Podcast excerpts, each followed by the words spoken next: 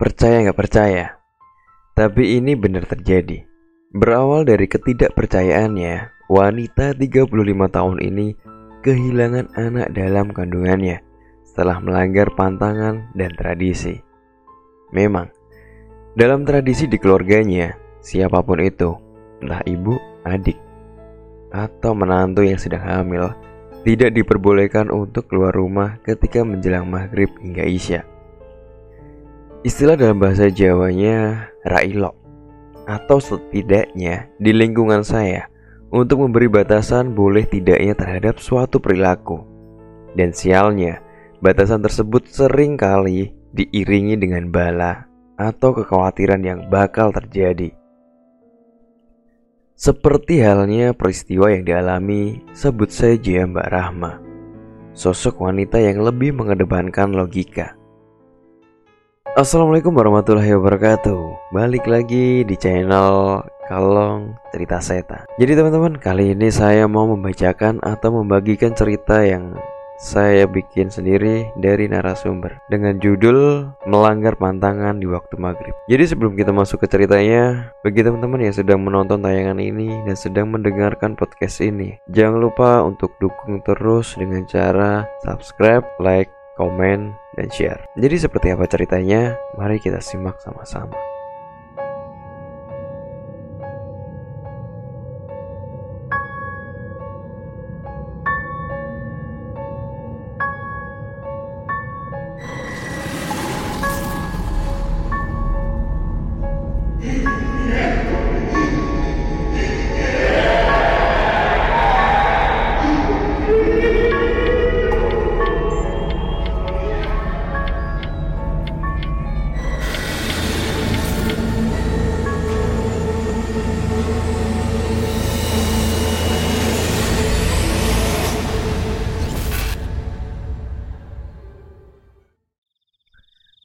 Melanggar pantangan di waktu maghrib.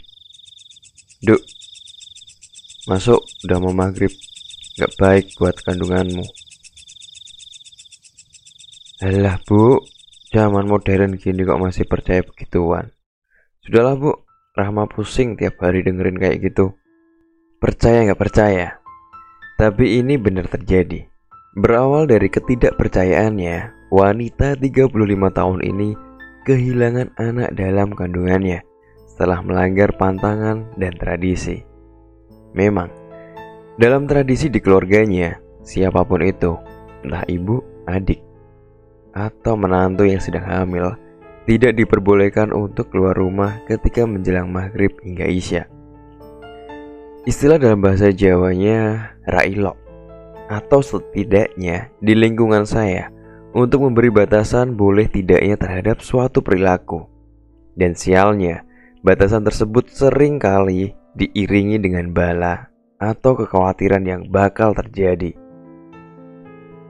Seperti halnya peristiwa yang dialami sebut saja Mbak Rahma, sosok wanita yang lebih mengedepankan logika. Ibu ini cuma ngingetin kamu, Duk. Itu juga untuk keselamatanmu dan anakmu. Dengan suara lembut, Bu Siti mencoba memberi pengertian kepada Rahma, anak perempuan satu-satunya yang sedang hamil. Walau Bu Siti terlihat cemas, ia masih berusaha tenang menghadapi watak keras anaknya yang setiap kali menolak dan tidak mengindahkan peringatan dari orang tuanya. Ya ampun bu, ini sudah zaman modern. Percaya tahayul itu syirik. Lagi pula, kita ini sudah tidak tinggal di desa. Jadi hal semacam itu tidak berlaku di sini. Rahma masih saja ngotot. Meski berkali-kali Bu Siti merayu dengan suara lembut, meyakinkan, mengingatkan akan adat yang masih dijaga kuat dalam keluarganya. Tapi Rahma bersikukuh pada pendiriannya. Apa beratnya Sindo mendengarkan omongan orang tua? Kali ini Pak Sabar, suami Bu Siti, ikut andil dan berbicara. Ia baru saja muncul dari belakang bersama Doni, suami Rahma. Namun lagi-lagi, ucapannya pun tak mampu menggoyahkan pendirian dan ngeyelnya Rahma. Ia masih terus berpegang pada prinsip dan keyakinannya. bahwa logika dan nyata adalah segalanya. Rama tak percaya dengan pantangan dan tradisi apa pun. Entah dari adat istiadat, tradisi maupun dari keagamaan. Terlebih lagi, jika menyangkut hal mistis, Rahma sangat tidak membenarkan. Hal itu semenjak Rahma terdoktrin oleh pergaulannya selama sekolah di kampus itu. Sore itu, perdebatan alot dimenangkan oleh Rahma. Kedua orang tua Rahma tak kuasa mendengar ucapan kasar Rahma dan memilih untuk mengalah. Dik, kalau sama orang tua itu mbok ya jangan kasar-kasar ngomongnya. Diturutin aja apa susahnya toh? Ucap Doni setelah mertuanya pergi ke belakang masuk ke dalam kamar. Alah mas, kok kamu malah ikut-ikutan? Jawab Rahma ketus. Bukan begitu dek, tadi aku sama bapak habis ke kebun belakang. Dan di sana itu auranya nggak baik buat kamu yang lagi hamil. Doni kembali menjelaskan, berharap Rahma mengerti. Tapi bukan sebuah jawaban yang mengenakan hati, melainkan ejekan sengit yang keluar dari mulut Rahma. Walah mas, yang jelek itu auramu bukan tempatnya. Doni terdiam. Mengalah adalah satu-satunya cara baginya untuk menghindari keributan dengan Rahma. Sebab Doni sudah hafal dengan sikap Rahma. Bila ia adalah perempuan yang tidak mau disalahkan. Dan akhirnya, sejak detik itu, hari itu, awal mulainya petaka bagi keluarga Doni, terkhusus Rahma. Hari demi hari dilalui Doni dan Rahma seperti biasa, normal layaknya orang lain. Walau sering menjadi gunjingan warga, namun bagi Rahma bukanlah satu perkara penting. Hingga memasuki bulan ketiga, bertepatan dengan usia kandungannya yang ketujuh, Rahma lebih banyak menghabiskan waktunya hanya di dalam kamar. Namun setiap menjelang maghrib, ia selalu saja berkeliaran di halaman belakang rumahnya Hal itu membuat suami dan kedua orang tua Rahma lebih tegas dalam memperingatkan. Tapi tetap saja, mau bagaimanapun, peringatan itu hanya mampu didengar tanpa dijalani. Sampai kejadian itu terjadi. Sore itu, entah terdorong oleh apa, tiba-tiba saja Rahma punya keinginan untuk lebih jauh berjalan-jalan ke halaman belakang rumah, mengabaikan waktu surup yang menjadi pantangan, tapi tidak bagi Rahma. Awalnya tak ada apa pun ketika ia sampai di pekarangan belakang paling ujung. Hanya hamparan pohon bambu dan kebun jati milik warga. Sesekali Rahma bersiul, bernyanyi lirih untuk mengiringi langkahnya.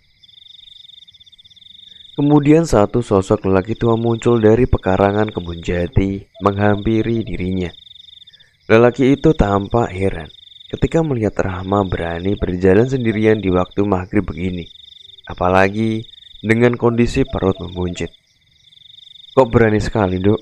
Kamu berjalan di sini di waktu maghrib. Rahma tak menjawab. Ia hanya diam sambil menatap sini lelaki tua yang ada di hadapannya. Tempat ini gak baik, Dok, buat calon anakmu. Ini juga sudah mau maghrib. Railo, sebaiknya kamu lekas masuk rumah. Daripada nanti ada kejadian yang tidak kamu inginkan. Gak baik apa apanya mbah Jelas-jelas suasananya enak begini kok Ya suka-suka saya mbah mau jalan-jalan ke mana pun Tercengang Lelaki tua itu mendengar ucapan Rahma. Tak menduga Kalau wanita di depannya ini begitu enteng bicara. Seolah tak mempercayai dengan pantangan. Jangan menyepelekan dok. Kalau sampai terjadi malapetaka Jangan salahkan orang lain. Lelaki tua itu masih berusaha sabar untuk mengingatkan kembali. Tapi sayang, tanggapan Rama tidak berubah. Ia tetap mencibir dan tak percaya tentang semua ucapan Mbah Kardi, lelaki yang disepuhkan di kampungnya. Tapi tak lama, Rama berlalu dengan gumaman tak jelas, melangkah pelan menuju pekarangan rumahnya dan masuk ke dalam rumah. Bocah sekarang tidak punya adab. Larangan apa pun berani dilanggar. Gumam Mbah Kardi. Hingga malam menjelang, ketika Rahma sedang merebahkan tubuhnya di ranjang, hal mengejutkan terjadi. Tiba-tiba, Rahma mengejang hebat sambil memegangi perut buncitnya. Hal itu membuat suami dan kedua orang tuanya panik dan cemas. Mas Doni, tolong panggilkan Mbak Kardi cepat. Pak Sabar terlihat panik. J pak, jawab Doni tak kalah panik. Sementara, Bu Siti yang duduk di samping Rama masih terus berusaha mencoba menyadarkan Rama. Bu Siti terus-menerus melantunkan ayat-ayat Al-Quran. Namun tetap saja, Rahma masih saja mengejang. Sesekali Rama meraung dan berteriak meminta tolong, seakan menahan rasa begitu sakit. Tak lama, Doni muncul bersama Mbak Kardi. Dan ketika Mbak Kardi memeriksa keadaan Rama, begitu terkejutnya beliau. Apa yang ia lihat tak sepatutnya terjadi jika Rama mau menurut.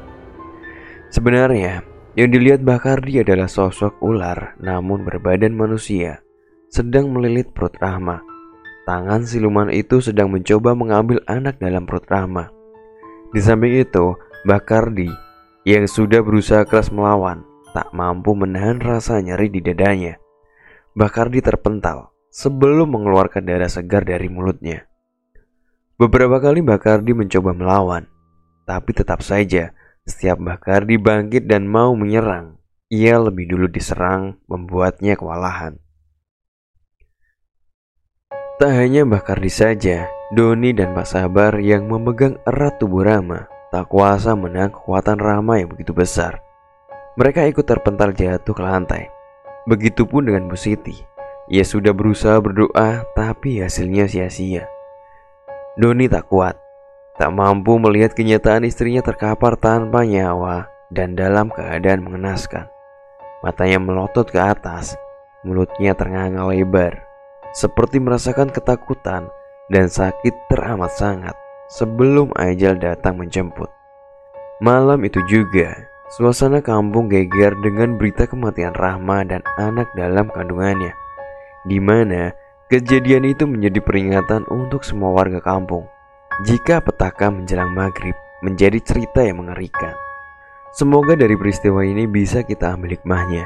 Kalau sudah waktunya maghrib, Alangkah baiknya untuk berhenti melakukan aktivitas dan segera mengambil air wudhu dan sholat.